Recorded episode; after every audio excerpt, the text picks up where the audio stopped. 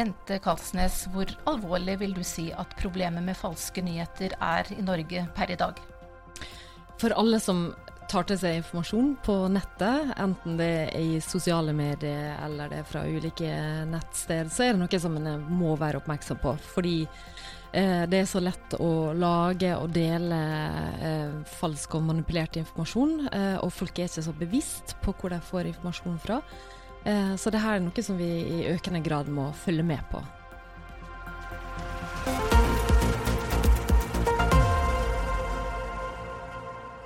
Velkommen til Den norske mediepodden, som er Medietilsynets podkast om aktuelle mediespørsmål.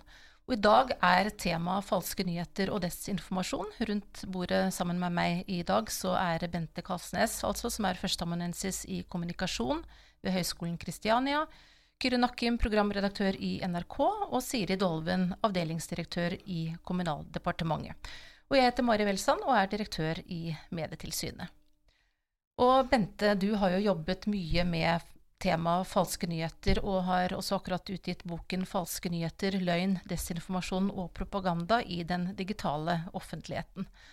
Og jeg tror aller først eh, så skal vi bruke litt tid på å definere hva er egentlig falske nyheter? Ja, og det har vært et uh, begrep, eh, eller sammensatt begrep, som uh, mange har diskutert og krangla om hva det faktisk betyr. Eh, en sånn typisk forklaring på en falsk nyhet, det er noe som ser ut som en nyhet fra et nettsted som ser ut som et nyhetsnettsted, men eh, der saken eh, er falsk og nettstedet er falskt. Det er noen, altså noen som har laga det for å tjene penger. Det kan være en typisk eh, måte å forklare det på. Men så har vi også sett at det begrepet har blitt brukt om veldig mange andre ting som ligner på det, så derfor har det blitt en veldig stor diskusjon. Eh, ja, for du problematiserer faktisk du i boken din selve begrepet falske nyheter. Hvorfor det? Ja, og jeg er ikke den eneste som problematiserer det. Det er veldig mange som har gjort det. Fordi vi ser at eh, en del aktører, eh, altså politikere som Donald Trump, har brukt begrepet for å slå tilbake på eh, mediene. Eh, når mediene skriver saker som han ikke liker, eller har vinklinger som han ikke liker så setter han eh, merkelappen 'falske nyheter' på dem. Og det er nå for å, å, eh, for å eh, redusere tilliten til mediene, og for å bryte ned tiltroen til det, det mediene skriver om. Så eh, det begrepet har også blitt et, rett og slett et slags politisk våpen for folk som vil eh, angrepe den eh, frie pressa. Men hvilke begreper bør vi bruke, tenker du da, for å beskrive dette fenomenet på en tydelig og klar måte? Ja, jeg tror det kan være lurt å prøve å differensiere mellom ulike typer problematisk eh, informasjon. Eh, at en kan skille mellom desinformasjon, som gjerne blir eh, brukt for å forklare det som vi tidligere har kalt propaganda. Altså der en eh, eh, prøver å påvirke folk sine politiske ståsted, eller få dem til å skifte mening, få dem til å endre oppfatning. Eh, og så kan vi også skille mellom feilinformasjon, altså der eh, det er informasjon som er ukorrekt eller feilaktig, men en har ikke gjort bevisst med hensikt. Og det er gjerne det en eh, snakker om når mediene har gjort en feil.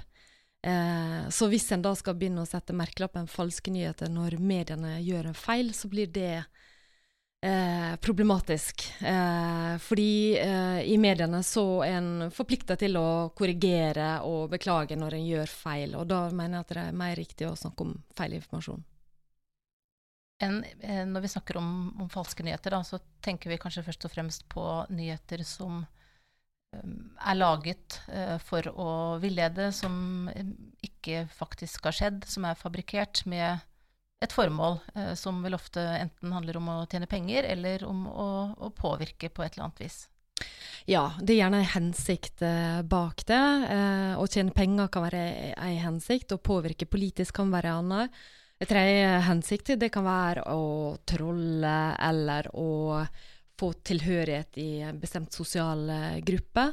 Men i mange tilfeller så er det vanskelig å vite hva som er hensikta bak. Vi, ofte så vet ikke vi hvem som er avsenderen av eh, eh, den eh, teksten eller den videoen. Så det å kunne avdekke hensikta bak eh, kan være ganske ressurskrevende. Kyrre Nakkim, du er programredaktør i eh, NRK. og Når det kommer useriøse aktører som ja da f.eks. enten av økonomiske eller ideologiske grunner eksponerer oss for uh, nyheter som er falske, hva slags følger kan det få for uh, dere som er uh, seriøse nyhetsmedier? Det som er problemet, er to ting. Én, at de låner av vår troverdighet. Altså, de bruker uttrykk som ligner våre nettsider eller våre produkter. Uh, noen ganger så, så, er det rett og slett en, en, direkte kopi av logoer eller annet, og fonter osv. Da bruker de den troverdigheten som vi over lang tid har bygd opp, uh, og, og, på mange måter later som de er oss. Det er det ene problemet. Det andre problemet er at du får en delt verden. Altså der vi blir anklaget for å være MSM, altså mainstream media, for å være ikke fortelle det som er korrekt. Og når det kommer noen som forteller vitterlig ikke-sannhetsbaserte historier, så er det folk som vil tro på det, og da vil de ikke tro på oss. Og så får vi denne eh, delingen da, eh, mellom oss og, og andre. Eh, og det kan også gå på, på vår så, troverdighet for å nå disse gruppene. Så, så det slår inn på flere, flere, måter. Bente, hva tenker du om eh, den betydningen som falske nyheter da får for de ekte nyhetene? Ja, eh, vi har nå hatt eh, eh Og vi har eh, etiske regelverk, eh, eller etiske retningslinjer, som mediene har forplikta seg til å følge. Samtidig som at det, det, er mange nye aktører som ikke er interessert i å følge det.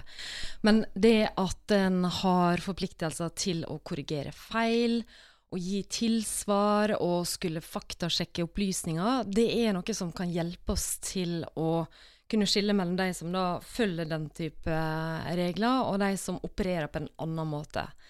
Eh, så i en del land så er nå disse her eh, etiske regelverkene en måte som en da kan differensiere mellom ulike typer medier på. Men hva tenker du om eh, troverdigheten, det som Kyrre er inne på her, at eh, når det blir flere falske nyheter eller informasjon som ikke er sann, men som utgir seg da for å være tradisjonelle ordentlig medie, mm. for å si det sånn. At det også da kan eh, utfordre troverdigheten til de eh, etablerte. Hva tenker du om det? Ja, og det er, det er problematisk. Men samtidig så har vi sett uh, f.eks. i undersøkelser fra Reuters Digital News Report, når en spør om hva folk er mest bekymra for når det gjelder nyheter. Og da kan det være vinklinger på nyheter. Eh, så det er klart at det, mediene, hvis de vinkler for hardt, eller hvis en driver med klikk, såkalt eh, klikkagn-journalistikk, altså titler som lover mer enn hva de holder, eller at en driver med innholdsmarkedsføring, som da ser ut som journalistikk, men som egentlig er reklame, det er ting som gjør også at, at mediene kan være med på å trekke ned tilliten til sine egne produkt.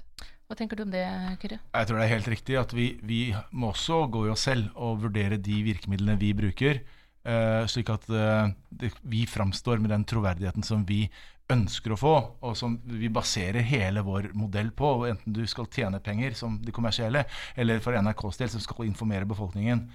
For øyeblikket så står det ikke så dårlig til. Altså 88 uh, av befolkningen etter de målingene vi har, mener at NRK tilbyr troverdige nyheter og stoler på oss. Men uh, vi eh, har sett en ørliten nedgang, og vi er redd for den utviklingen vi har sett i andre land, særlig i USA, hvor tilliten til, til de store mediene går ned. Og det da tar det også noe av limet i samfunnet. Vi er viktig for at man diskuterer på riktige premisser. At har en felles plattform å diskutere på, og, og heller finne til uenig politikk. Men, men, at man har noen fakta man kan basere seg på. Det er vanskelig i de landene hvor eh, de store mediene har fått utfordret sin troverdighet. Det at vi nå ser eh, stadig mer av type falske nyheter, påvirker det måten som dere i NRK f.eks. jobber med nyheter på? Ja, jeg tror at det, det, er mange ting som påvirker samtidig. Uh, dette er en av uh, delene. Det andre er selvsagt uh, sosiale medier generelt. Altså hvordan vi blir rettledet. Hvordan forskere, aktører eller helt vanlige folk kan også korrigere de feilene vi har. hvilket betyr at det å være eksakt, det å ha korrekt informasjon, er eh, viktigere enn noen gang. Det har alltid vært viktig, men det er viktigere enn noen gang. Eh, det andre er å være åpen på hvor informasjonen kommer fra, sånn at folk kan bedømme den informasjonen du bringer til torgs. Og Det er jo en av de forskjellene på oss og eh, disse falske nyhetene. Der vil du ofte ikke se hvor informasjonen kommer fra. Hva er det basert på? Hos oss skal det være sånn at du kan skjønne det. Eh, og det er jo en ting som, som vi kanskje har vært litt dårlig på historisk.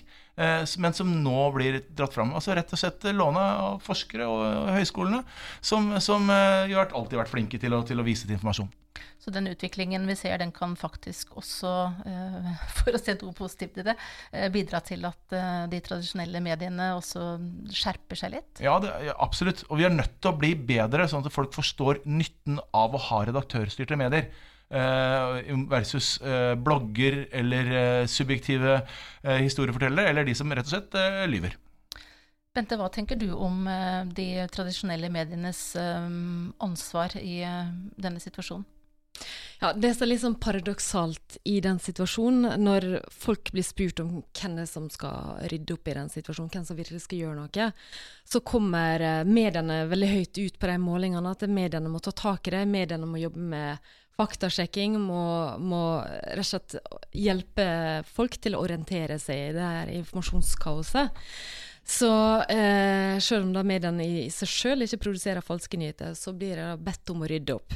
Samtidig som at selvfølgelig også teknologiselskaper og eh, myndighetene blir pekt på som eh, aktører som må gjøre noe.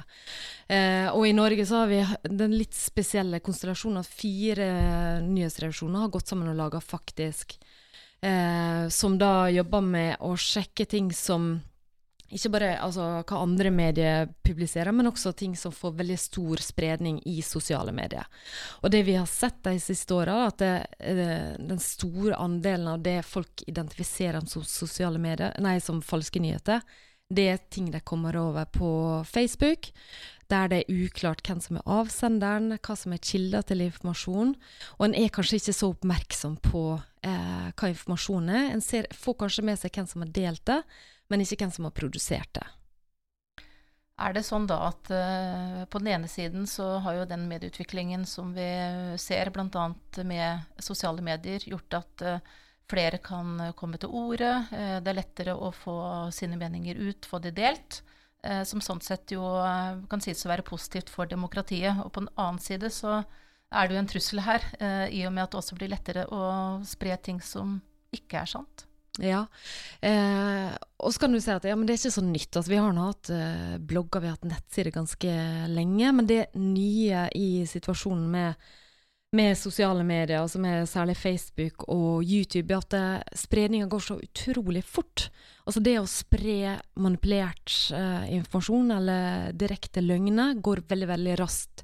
Og særlig i en valgsituasjon så kan det være ganske kritisk.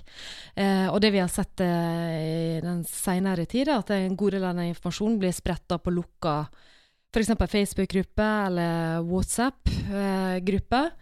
Eh, så det blir også vanskeligere å kontrollere og, og følge med på det. Så, så, det er klart dette her vil ta nye konstellasjoner og nye former etter, vi, etter hvert som vi får nye plattformer. Du nevnte valg, eh, Bente, og det er et eh, stikkord for eh, det vi skal snakke om nå. Og Siri Dolven, du er også med oss her. Du er avdelingsdirektør for valg og lokaldemokrati i Kommunaldepartementet. Og du har ledet en tverrfaglig arbeidsgruppe som har hatt ansvar for å se hvordan sikkerheten kan styrkes når det gjelder gjennomføring av høstens kommune- og fylkestingsvalg. Og hva var det som gjorde at dere så behov for et sånn type arbeid nå? Eh, bakgrunnen for at vi opprettet denne arbeidsgruppen, er jo at det har vært en økt oppmerksomhet, særlig internasjonalt, knyttet til disse problemstillingene om både sikkerhet i selve valggjennomføringen, men også spredning av falske nyheter, desinformasjon, ulike uønskede påvirkningskampanjer. Eh, vi har jo sett at eh, bl.a. det svenske riksdagsvalget, så skjedde jo, skjedde jo dette i, i ganske stor grad. Så vi tenkte at vi må være litt i forkant. Eh, det er et lokalvalg. Det er ikke, muligens ikke så stor interesse for å, å, påvirke et lokalvalg i Norge, men det å være i forkant og ikke være naiv, eh, tenkte vi var et godt utgangspunkt. Og så kunne ikke vi som ansvarlig for valg gjøre dette arbeidet alene. Vi trengte å koordinere med alle de andre sektormyndighetene som, et, eh, som jobber med, med ulike innretninger inn mot valg, f.eks. Eh, sikkerhetsmyndighetene, og, og også dere i Medietilsynet har vært en god bidragsyter inn i dette arbeidet. Vi skal komme litt tilbake igjen til eh, hvilke konkrete tiltak eh, gruppen har eh, kommet med. Men først tilbake igjen til deg, Bente. Vi vet jo da at valgkampen i enkelte andre land eh, har da vært preget bl.a. av påvirkningskampanjer ved hjelp av falske nyhetssaker og falske profiler i sosiale medier. Eh, er du redd for at noe slikt nå skal skje i Norge? Det er klart det er en risiko for at det skal skje. Eh, vi har vel ikke sett så mange eksempel ennå. Men jeg tror det, eh, dette er noe som mange aktører i det norske samfunnet er veldig oppmerksom på. Eh, både myndigheter og i redaksjoner så at det er en helt annen bevissthet rundt det her enn tidligere. Men vi har sett eksempel i Frankrike, i Storbritannia, i Sverige, Finland, USA selvfølgelig, der en, eh, det har blitt oppretta falske sosiale medieprofiler for å spre informasjon som er det trenger ikke være fullstendig usant, det kan være del basert på aktuelle hendelser, men så er det et eller annet som er litt vridd på. Og vi har også sett eh, automatiserte Twitter-kontoer som sprer informasjon for å få eh, noe til å se mer populært ut enn hva det egentlig er. Og vi har sett eksempler på hacking av kontoer, og så blir eh, sensitiv informasjon spredt. Så det er klart at det er veldig viktig å være eh, årvåken på det her. Siri Dolmen, eh, hva slags eh, type tiltak er det denne arbeidsgruppen eh, som du har ledet, har kommet med nå? Det som var oppdraget vårt, var at vi skulle først og fremst se hvilke tiltak som allerede eksisterte, og som har blitt gjennomført ved tidligere valg. Så det er ikke noe dramatisk nytt i mange av disse tiltakene. Og også se om det var behov for noen nye. Og så skulle de da nå alle aktørene, partiene, kandidatene, velgerne, og, og, eh, media, og også de som gjennomfører valg. Så et eksempel er en brosjyre med informasjon til alle kandidater som har blitt sendt ut, der hvordan man skal beskytte sin informasjon, sine sosiale eller kontoer på sosiale medier, og hva man bør gjøre hvis man tror man blir utsatt for en eller annen form eh, for, uh, for, uønsket påvirkning. Eh, vi har hatt opplæring av kommunene, slik at de har gode rutiner på hvordan de skal sikre selve valggjennomføringsprosessen. Og eh, vi har da, eller Medietilsynet har et tiltak bl.a. blant annet som eh, skal gjøre at folk lettere skal kunne avdekke falske nyheter. Eh, og så er det også, også bl.a. at Politiets sikkerhetstjeneste rådgir eh, partier og kandidater i hva de burde gjøre for å sikre, sikre seg. Eh, og et av de nye tiltakene det er at vi eh, har lyst ut et forskningsoppdrag som Sintef har fått avtalen til, som skal se om det faktisk skjer noe forsøk på denne type påvirkning under dette valget, og som kan gi oss nye tiltak frem mot valget i 2021. Ja, Nå er jo valgkampen eh, så vidt i gang. Har dere noen indikasjoner så langt på at eh, det har vært noen sånne type hendelser? Nei, det har vi ikke. Bente, noe av utfordringen er vel kanskje at uh, metodene blir stadig mer uh, raffinerte. Teknologien uh, gir nye muligheter. det kan vel være ganske vanskelig å oppdage en del av disse typer falske nyhetene? Ja, det vi har hørt om eh, en stund nå, det er noe måten en kan manipulere video og lyd på, som tidligere var veldig vanskelig, men som nå har at vi har fått teknologi som gjør at, det, at en kan få såkalte, såkalt deepfakes. Men det som vi ser er ganske utbredt i dag, det er at en tar et bilde som har vært brukt i en annen kontekst, og så bruker det i en ny kontekst. Sånn at det kanskje ser verre ut. Si at det har vært en eksplosjon, eller det har vært eh, en av demonstrasjon. Eh, og det er noe som ofte blir gjort for å eskalere situasjonen.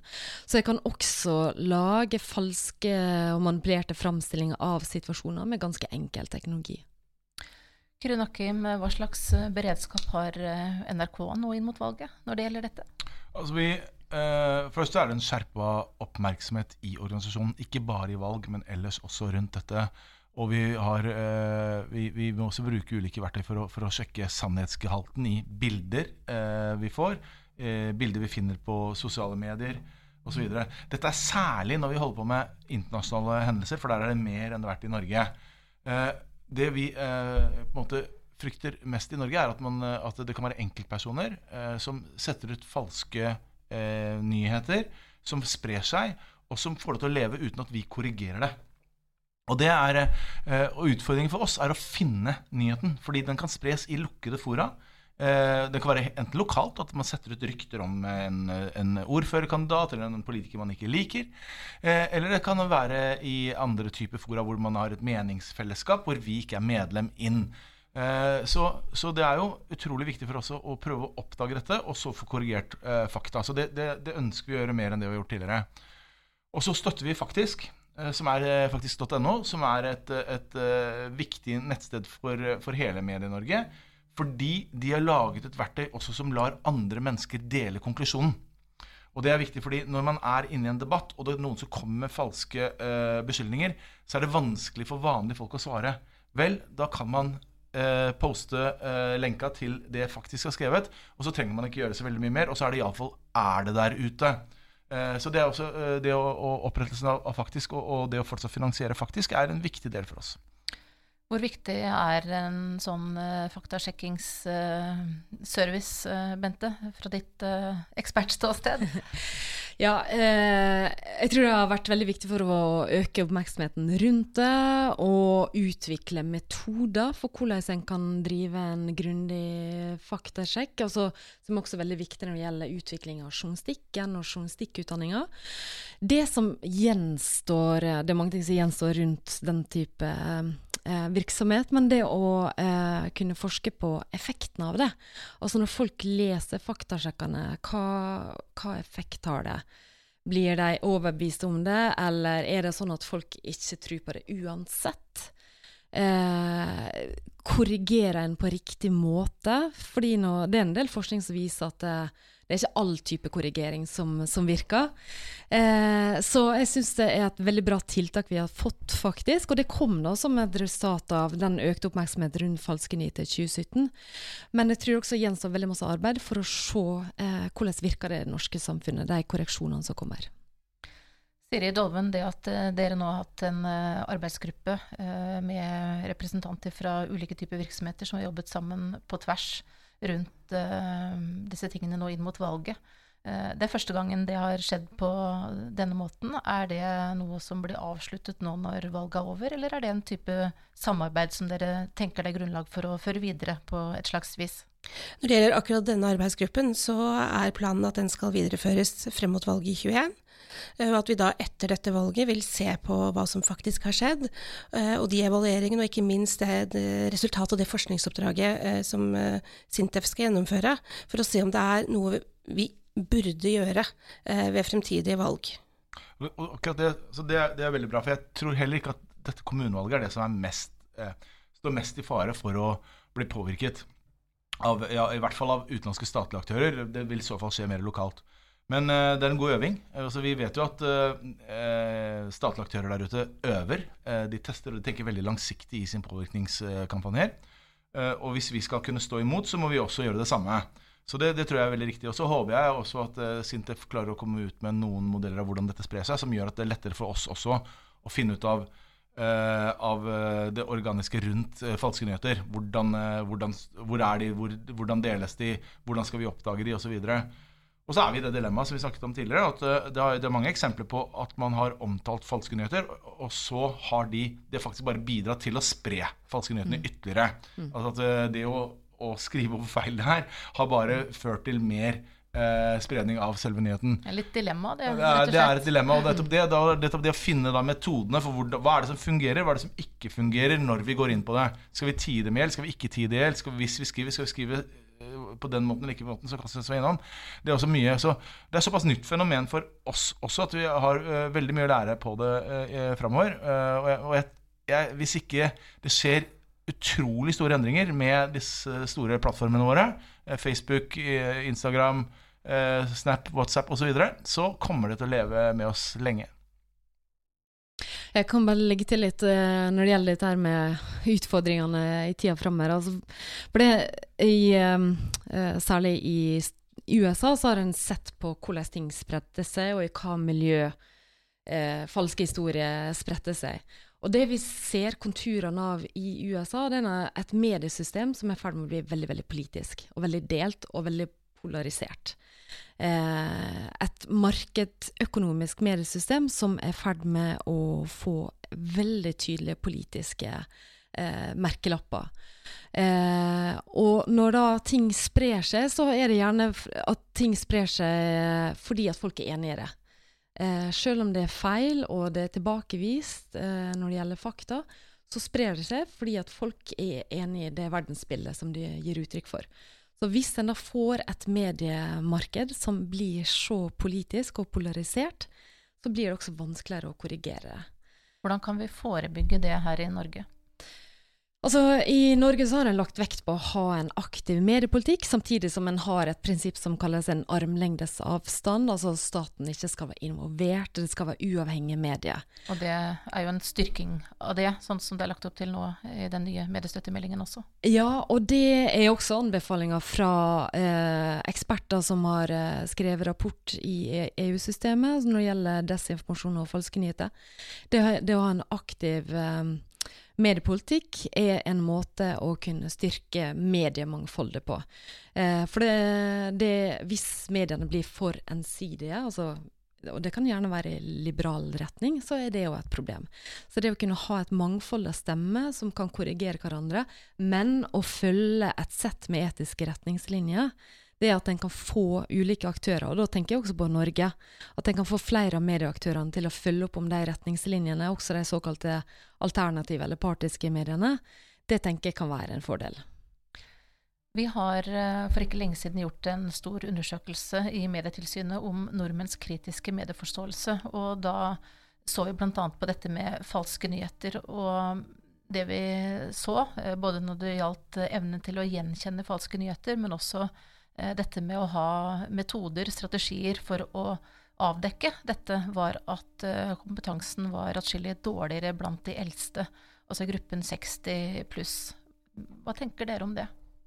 Det er jo, det er jo for så vidt ikke så rart, fordi at uh, dette er en gruppe som har vokst opp med autoritative kilder. altså de så Vært vant til å kunne stole på det ja, de, de, har lest. Ja, det er nettopp det. Altså, de, på, de, de, så på Dagsrevyen eller, eller, hørte på Dagsnytt. De leste kanskje sin regionavis eller en, en tabloidavis. Alle disse har hatt, uh, hatt rettesnor om å følge de etiske prinsippene vi jobber etter i norsk presse. Uh, selv om de har vært tabloide, så har de uh, jobbet for å ha korrekt informasjon. Det kan være vinklet informasjon, det var korrekt informasjon. Uh, da, så du kunne liksom åpne avisa hver dag og tenke at dette er greit. Ja, Kanskje vinkla mot Arbeiderpartiet, kanskje litt mot Høyre. Det visste du.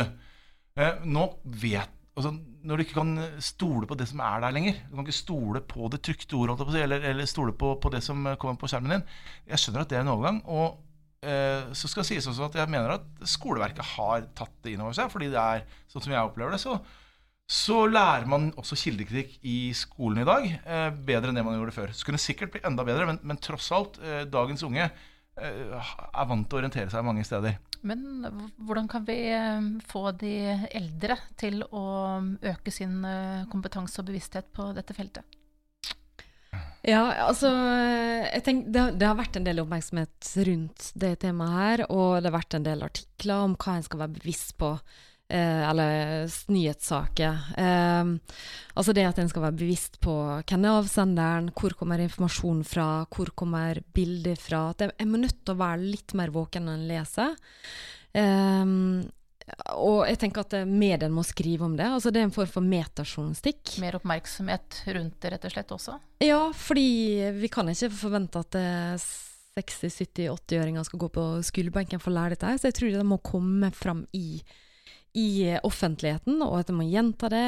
Eh, og det må komme i forskjellige eh, format, i animasjoner, i videoer, i tekst. Um, og samtidig så ser vi også at dette endrer seg. Uh, hvis det blir sånn at vi ikke kan sole på video og lyd, så må vi også få nye metoder for å kunne vurdere dette kritisk. Og det må selvfølgelig oppdateres kontinuerlig i utdanningene våre. Men tror du dette skillet mellom de yngre og eldre kommer det til å jevne seg ut etter hvert som vi får nye generasjoner? Altså Har det noe å gjøre med at de som er 60 pluss i dag, de um, har ikke vokst opp med det digitale i samme grad som de yngre? Eh, jeg tror det alltid vil være litt eh, generasjonsforskjeller, fordi at de yngre de bruker nye kanaler, de har en annen forståelse, samtidig som de eldre har en annen kunnskap og en annen historikk. Eh, men, men, det er klart altså, akkurat når det gjelder å bruke internett, så, så er det klart om, om, ti år så vil det kanskje se litt annerledes ut. Men at det vil være generasjonsforskjeller når det gjelder å forstå innhold i digitale kanaler, det tror vi kommer til å fortsette å se.